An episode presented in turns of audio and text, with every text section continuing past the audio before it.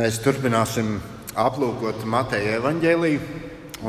Šajā rītā es lasu no 11. nodaļas, no 7. līdz 19. pantam. Mateja evaņģēlijas 11. nodaļa, no 7. līdz 19. pantam. Kad tie devās prom, Jēzus sāka runāt ļaudīm par Jāni. Ko jūs izgājāt tuksnesī skatīt? Vai niedri, ko vējš šūpo? Ko tad jūs izgājāt ieraudzīt? Vai cilvēku smalkās drēbēs? Redzi, ka smalkas drēbes valkā, tie ir ķēniņu namos. Tiešām. Ko tad jūs izgājāt ieraudzīt? Vai pravieti? Patiesi es jums saku, pat vairāk nekā pravieti. Viņš ir tas, par ko ir rakstīts: redzēs sūtu savu sūtni pirms tevis, kas tev ceļu sagatavos tavā priekšā. Patiesi es jums saku, starp dzimušajiem no sievietēm neviens nav cēlies lielāks par Jāni Kristītāju. Bet mazākais debesu valstībā ir lielāks par viņu. No Jāņa Kristītāja dienām līdz šim laikam debesu valstība tiek pakļauta vardarbībai, un varmākas cenšas to sagrābt, jo visi pravieši un bauslība ir pravietojuši līdz Jānim. Un, ja gribat to pieņemt, viņš ir Elija, kam bija jānāk. Kam ausis dzirdēt, tas lai dzirdētu. Kam lai es šo paudzi pielīdzinu? Tā pielīdzināma bērniem, kas sēž tirgus laukumā un sauc līdzbiedriem. Mēs jums stabulējam, un jūs nedējojat. Mēs jums dziedājām raudu dziesmu, un jūs nevaimanājāt. Nāca Jānis. Viņš nec ēda, nec dzēra, bet tie saka, viņā ir dēmons nāca cilvēka dēls. Viņš ēd un dzer, un tie saka, redzi, izēdājs un vīnu dzērājs, muitnieku un grēcinieku draugs. Bet gudrības darbi ir pareizi. Paldies, Tev, debes Tēvs, par šiem vārdiem. Svētīgi mūs tos pārdomājot. Un Dievs dod, lai Mēs neesam uh, tikai tie, kas šajā brīdī vienkārši klausamies, bet lai Tavs gars aizskar arī mūsu dvēseli, un lai tas, ko Tu caur savu vārdu mums māci,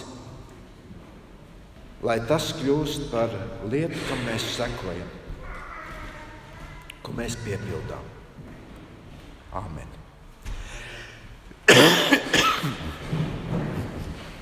Lūdzu, sēdieties!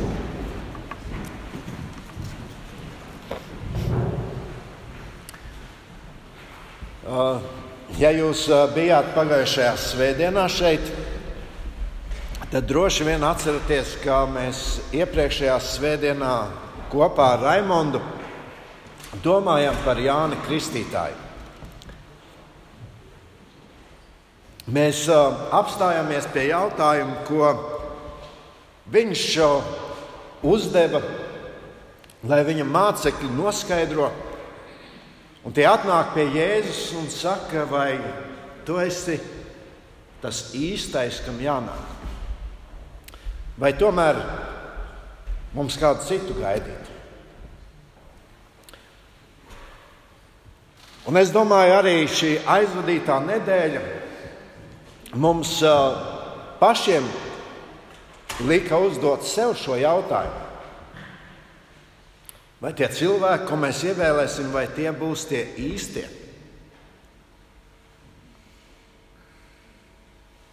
Un, kad es pārdomāju šo tēmu, tad man liekas, cik tas viss ļoti sajiet kopā. Es šo svētdienu šajā svētdienā nosaucu vieglprātības briesmas. Un uh, arī tas, ko mēs vakar piedzīvojām, kad gājām vēlēt, mums jau likas, nu, šis ir laiks, kad mums jāsaņemas, mums jāiet. Bet tāpat laikā 48% cilvēku, kādam varbūt tur ir kādi objektīvi iemesli, protams, bet tur bija šī vieglprātība. Viņi to nedarīja. Un uh, pagājušās svētdienas uh, svētkruna faktiski jau ir tikai tāds, uh, bija tāds ievads mūsu šīs dienas tēmai. Jo tas, ko Jēzus Jānim toreiz atbildēja, viņš sacīja, ejiet atpakaļ pie Jāņa un sakat, viss ir kārtībā. Viss notiek pēc Dieva tēva plāna. Viss notiek tā, kā pravieši ir runājuši. Un tad Jēzus, turpinot šo tēmu, runā uz ļaudīm par to, cik svarīgi ir izdarīt izvēli. Cik svarīgi ir eh, nebūt viegliprātīgiem vai vienaldzīgiem pret to, ko tu esi dzirdējis. Ka nedrīkst tā viegliprātīgi attiekties pret jautājumiem, kas ir tik ļoti izšķirīgi. Un Jēzus šeit izmanto Jāņa Kristītāja jautājumu, lai parādītu, ka tā ir problēma, kas eksistēja toreiz. Un šodien mēs lasām šos vārdus, un mēs redzam, ka šī pati problēma eksistē arī šodien. Un tur Jēzus saka, mīļie draugi, starp citu, Jānis Kristītājs šeit bija. Viņš tik vareni sludināja. Jūs bariem metāties tur uz to tuksnesi. Bet kas no tā viss? Kur ir tā jūsu reakcija? Kur ir tā jūsu izšķiršanās? Kur ir tie darbi, kā rezultāts uz to, ko jūs esat dzirdējuši? Ziniet, šie ļaudis toreiz atradās ļoti tādu nozīmīgu notikumu centrā. Varbūt daudz no viņiem to nemaz neapzinājās. Jo pats Dieva dēls ir viņu vidū. Un pirms Jēzus bija lielākais no praviešiem, Jēzus pats to apliecina. Lielākais, kāds vien jebkad ir bijis uz zemes. Un Jēzus saka, Kur ir jūsu reakcija? Kur ir jūsu izšķiršanās? Kāpēc jūs nedzirdat? Un, kā jau teicu, šī vieglprātības, vienaldzīgas problēma nebija tikai šo cilvēku problēma, par kuriem mēs lasījām. Tā ir arī šī mūsu gadsimta, mūsu sabiedrības liela problēma.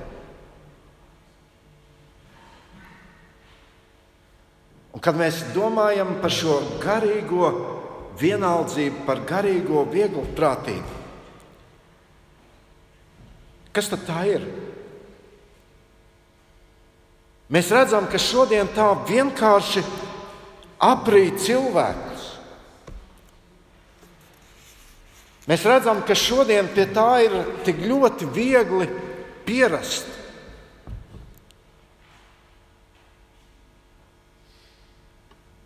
Šī viegla prātība, vienaldzība ir nopietnas reakcijas trūkums uz to, ko Dievs saka, uz Dieva teikto patiesību.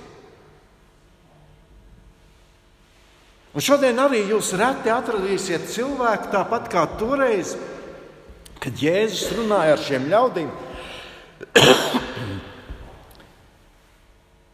Reti būs cilvēks, kurš noliedz dieva eksistenci. Zināmā mērā cilvēki ir pat reliģiozi, bet kaut kā pietrūkst. Pietrūkst šī personīgā, nopietnā reakcija uz to, ko Dievs saka, uz šo Dieva teikto patiesību. Un Jēzus šeit, runājot uz ļaudīm, to ilustrē ar šo cilvēku reakciju uz Jāni Kristītāju.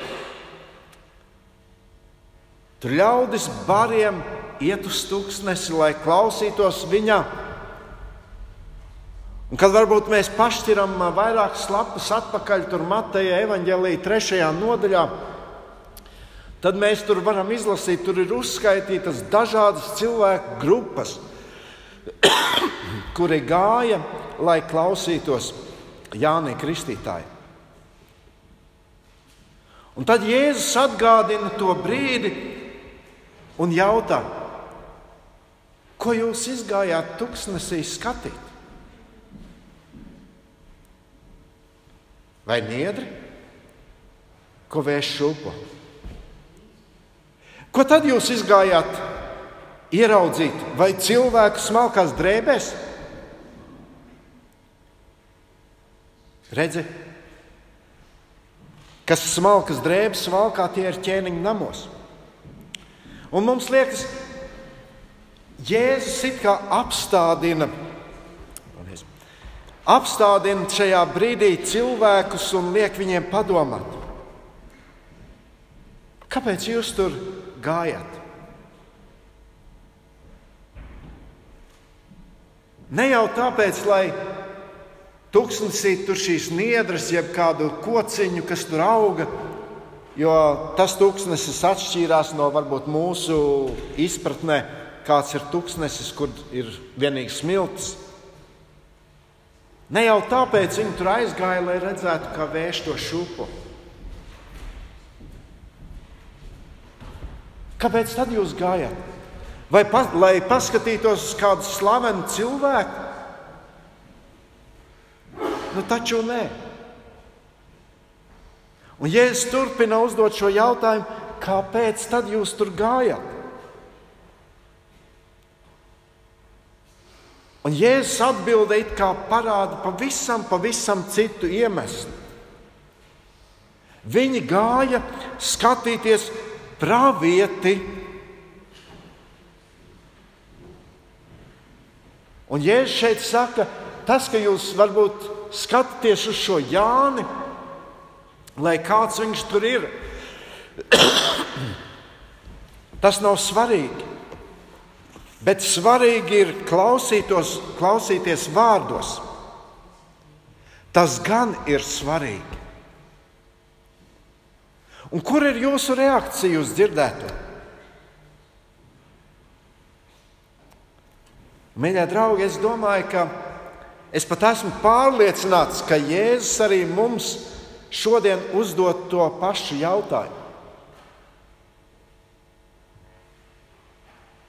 Kāpēc tu atnāci uz baznīcu, uz draugu?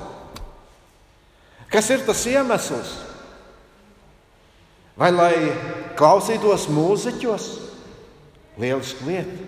Skaisti viņi spēlē, skaisti dzied. Man arī to patīk klausīties un dziedāt līdzi. Kāpēc vēl tu atnāci, lai paskatītos uz kādu cilvēku? Varbūt mēs mājās izskaidrojam, ah, šodien es neiešu, es iešu tad, tad būs tas cilvēks.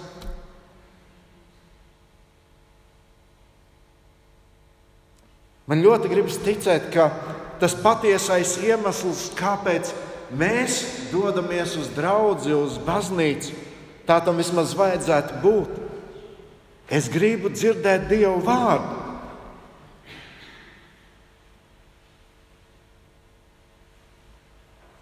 Un Dieva vārds vienmēr prasīs tavu reakciju. Ziniet, cilvēki arī toreiz gāja, viņi skatījās, viņi klausījās, kādi nožēloja grēkus, tur kādi tika arī kristīti. Kas tālāk? Viņi turpināja dzīvot ierasto dzīvi. Viņi turpināja dzīvot tā, it kā nekad šo vārdu nebūtu dzirdējuši.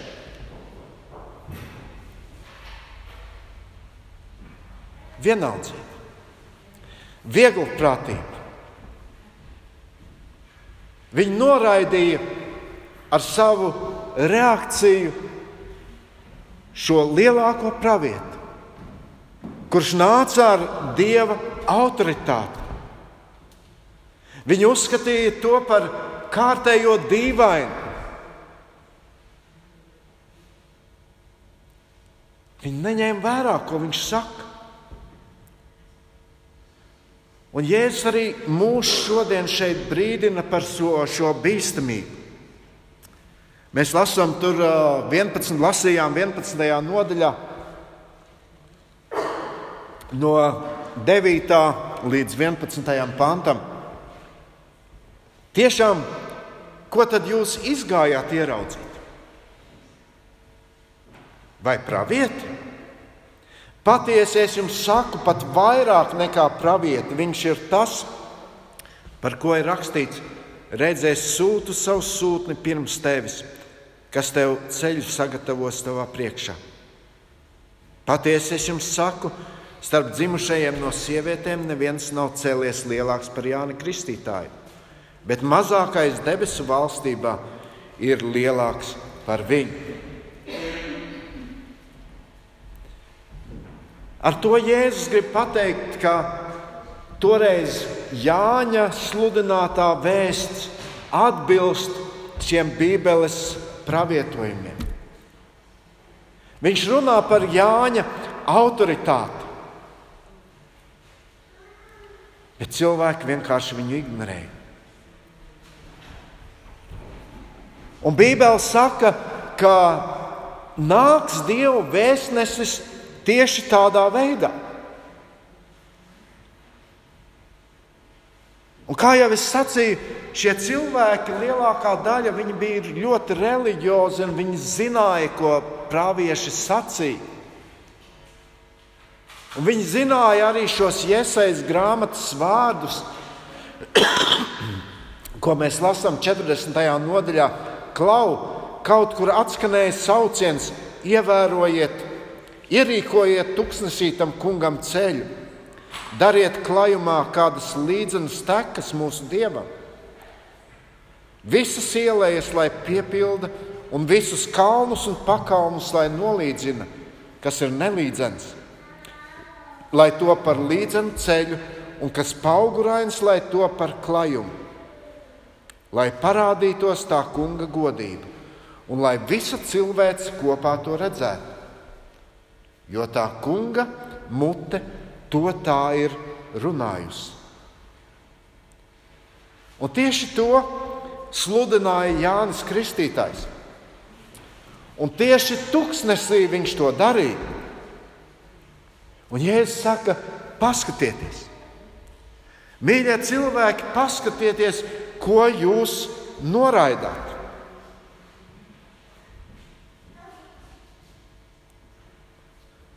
Uz kura vārdiem jūs vienkārši nereaģējat, ko jūs ignorējat? Jēzus šeit uzsver, Jānis Kristītājs ir pats lielākais, svarīgākais vecās derības pravietis. Un kā jau sacīju, Jēzus to saka reliģioziem cilvēkiem. Jēzus to saka cilvēkiem, kuri piederēja tautai, kurai Dievs sūtīja daudz varenus praviešus.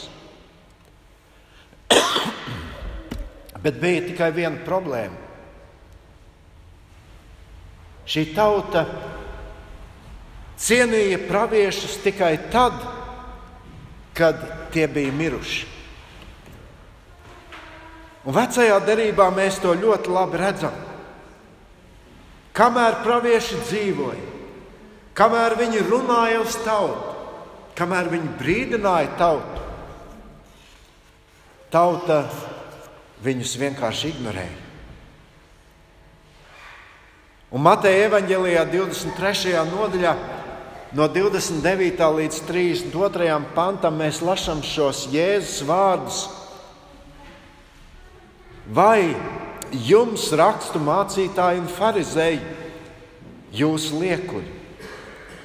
Jūs ceļat kapenes praviešiem un izrotājat viņu kapu pieminekļus, un izrotājat kapu pieminekļus taisniem.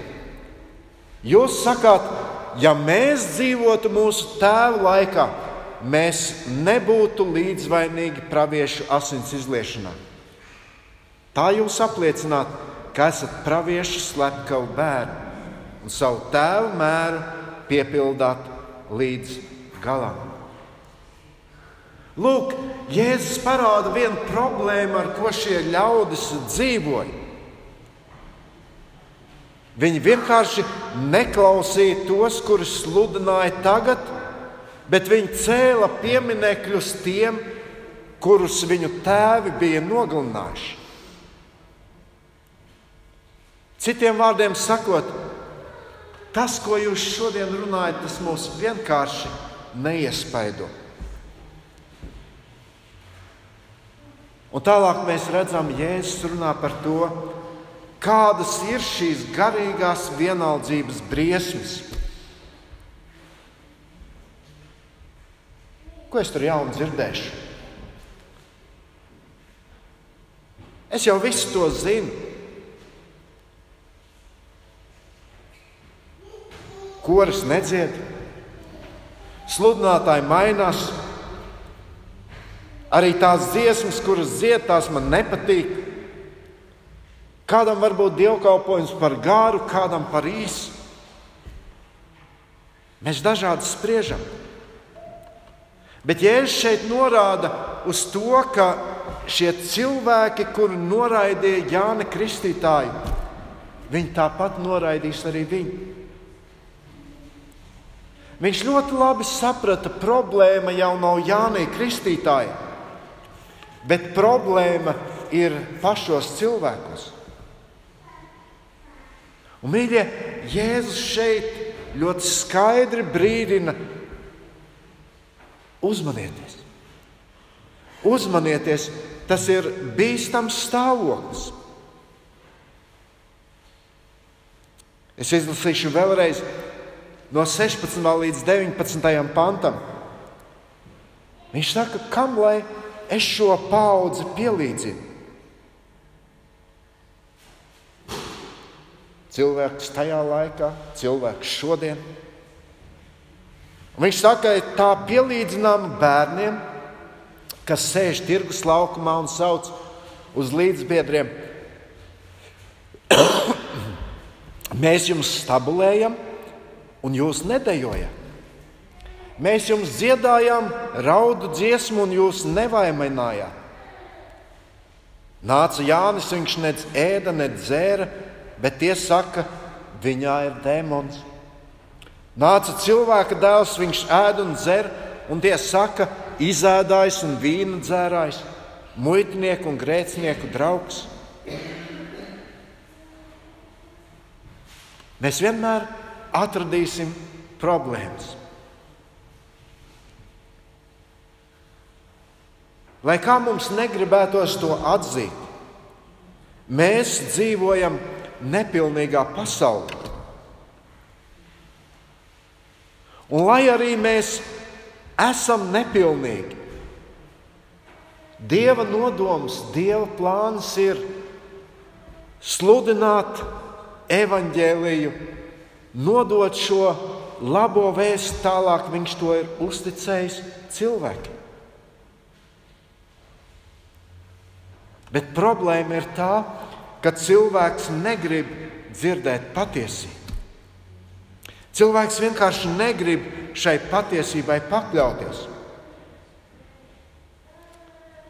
Tajā laikā, kad Jēzus dzīvoja, protams, bērni nesēdēja mājās un nespēlēja kaut kādas datorspēles.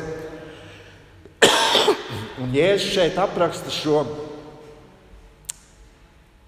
vienu spēli, kamēr vecāki ir uh, tirgus laukumā, viņi iepērkas bērni iet rotaļās. Un šī rotaļa bija, ja kāds kaut ko darīja, kurš varbūt bija vadītājs šai spēlē, tad pārējiem vajadzēja reaģēt.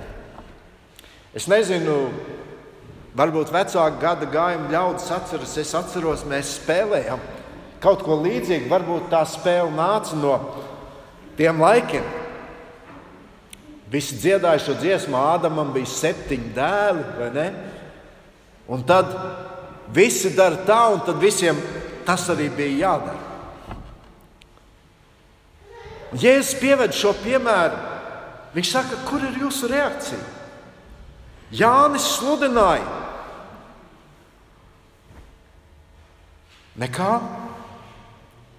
Nāk Jēzus, atkal nav labi.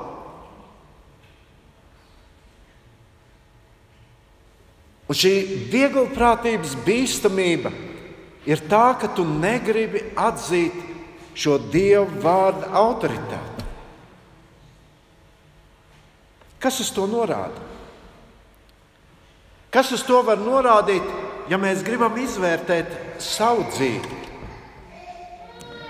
Es nezinu, cik jūs atceraties no tā, ko mēs lasījām ievadā Raimons lasīja no Salamana pamācībām. Un mēs tur ļoti labi redzam, kā Salamans uz šo lietu skatījās. Un viņš iesāk ar jautājumu 22. pantā, mēs to lasījām. Viņš saka, cik ilgi jūs nejēgas mīlēsiet vieglprātību. Tieši šis vārds. Cik ilgi zobgaļiem patiks visu apsmiet un ģeķi ienīdīs atzīšanu. un tālāk viņš uzskaita vairākas lietas, kas ir šīs vieglprātības pamatā. Salamans saka, tas tāpēc, ka viņi nonicināja manu mācību. Un viņi negribēja sajust bijību tā kunga priekšā. Viņi negribēja manu padomu un nonicināja manu pārmācību.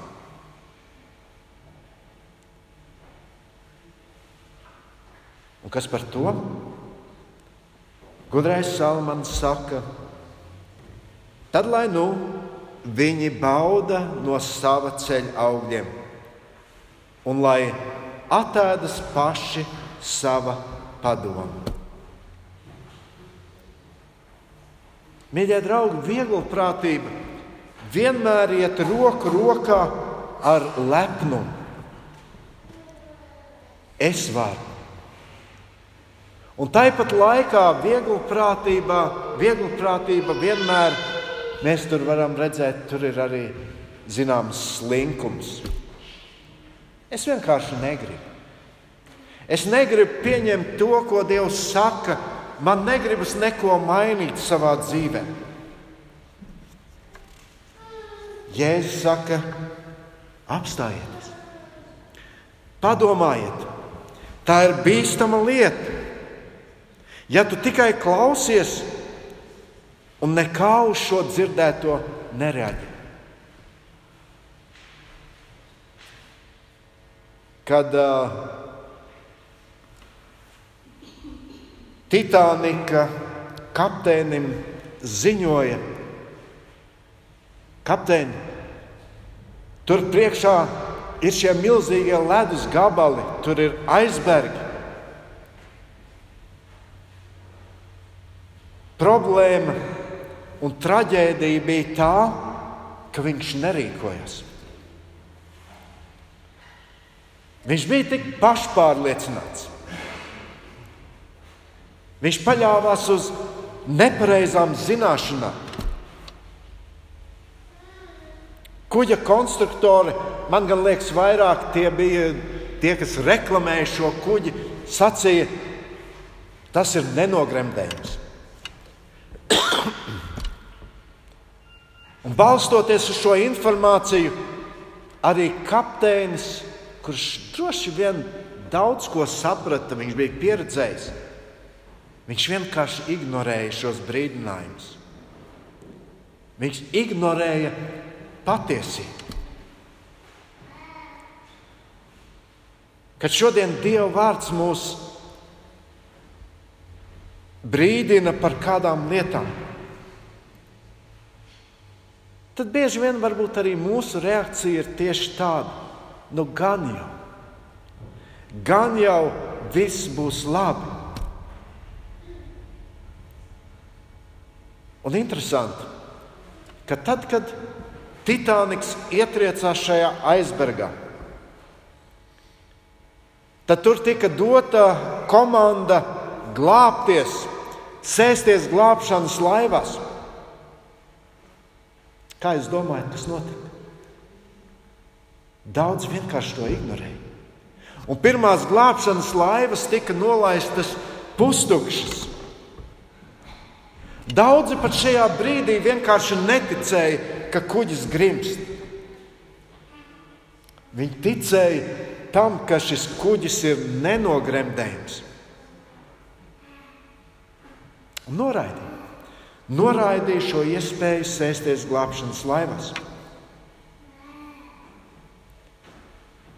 Mīļie draugi, kā ir ar mums, kad uh, mēs domājam par lietām, kas skar mūsu dvēseli? Vai mēs rīkojamies? Kad bija tā pēdējā reize, kad tu klausījies svētkrunu vai lasīji Bībeli, un tu skaidri zināji, Dievs mani uzrunā. Kad bija pēdējā reize, kad tu pieņēmi lēmumu, es paklausīšu, es rīkošos. Toreiz ļaudis ignorēja Jāņa Kristītāja sludināšanu. Vienkārši ignorēja. Un vēl viena vieglprātības problēma ir tā, ka mēs nepārtraukti cenšamies meklēt kādus attaisnojumus. Nāca Jānis, ne, tas nav īstais. Vēl vairāk viņā ir demons. Nāca Kristus un ļaudis teica, nu kā tu viņā vari klausīties? Nu, viņš taču tur no nāceretes uzaug mūsu vidū. Viņš ir kopā ar grēciniekiem. Viņš nav tik cienījams kā vajadzētu būt, kā mēs iedomājamies. Cilvēki atrod dažādus aizbildinājumus. Tu vari aizbildināties ar to, ka aizejot uz draugu, tu tur sastopi tādus pašus cilvēkus. Un tad tu saki, ka tur viss ir liekuļi, bet viņi ir tādi paši cilvēki. Ar to tu mēģini kaut kā attaisnot sevi. Lai tikai nebūtu jārīkojas. Un, zini, tu vienmēr šo attaisnojumu sameklēsi. Bet Jēzus stāstot šo stāstu, uzrunājot ļaudis, viņš mūs aicina ne tikai klausīties, bet arī paklausīt Dieva vārdam, nevis meklēt iemeslus tam, lai nepaklausītu. Un vēlāk Jēzus stāsta kādu ļoti labu ilustrāciju Mateja Evanģēlīja 25. nodaļā, kur iet runa par talantiem. Un mēs tur redzam, tur ir dažādi cilvēki, kurš katrs, kuram saimnieks uztic savu mantu, un starp viņiem ir arī tas, kurš saņēma vienu talantu. Ko viņš darīja? Viņš neko nedarīja. Viņš to nekur neieguldīja, viņš to nelika lietā. Viņš izturējās vieglprātīgi. Un mēs tur lasām, viņš atrada šo aizbildinājumu. Atnāca arī tas, kam bija viens talants un sacīja, es zinu, ka tu esi bargs cilvēks, tu pļauj, kur neesi sējis un savāc, kur neesi kaisījis. Tādēļ es bailēs aizgāju un apraku savu talantu zemē. Redzi, ņem, kas tev pieder. Viņš atrada attaisnojumu savai bezdarbībai. Un tad tas secinājums, ko mēs dzirdam, viņa kungs atbildēja: Tu nelietīgais un slinkais kalps, tu zināji. Tu zināji, ka es pļauju, kur neesmu sējis, un savācu, kur neesmu kaisījis. Tev vajadzēja darīt kaut ko pavisam citu. Tev vajadzēja dot man naudu augļotājiem, tad es pārnācis būtu dabūjis atpakaļ savu naudu ar peļņu. Mīļie, vieglprātīga attieksme pret Dievu vārdu vienmēr maksās ļoti dārgi. Un tāpēc Jēzus uzrunājot toreiz tos ļaudis un mūsu caur šiem vārdiem, ko mēs šodien aplūkojam, viņš atgādina, ja Dievs tevi uzrunā.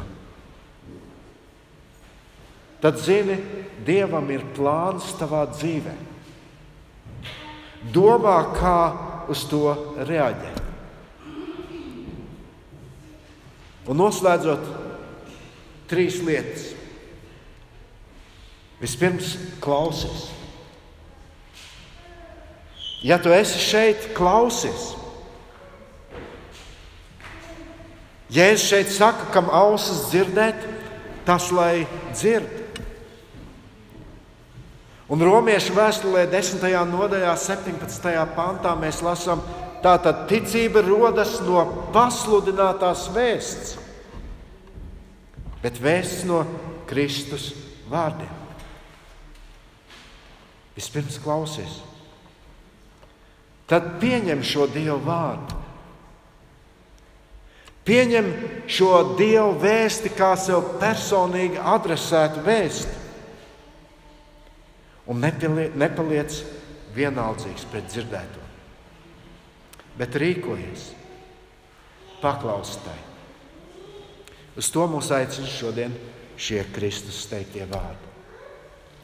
Lūksim, debes Tēvs! Paldies Tev, ka Tu joprojām turpini mūs uzrunāt tik dažādos veidos. Un paldies, ka Tavu vārdu pārdomājot, varbūt uh, skatoties uz uh, šiem notikumiem, uz cilvēkiem, kas tur iesaistīti, Mēs to visu varam identificēt arī ar sevi, ar šo laiku, kurā mēs dzīvojam. Kungs, mēs ļoti lūdzam, lai mēs nedarītu tās kļūdas, ko darīja tie ļaudis tur. Kungs, pasargi mūs no tā, ka tevis uzrunāti mēs nemeklētu aizbildinājumus, skatoties uz citiem. Bet palīdz mums domāt par to,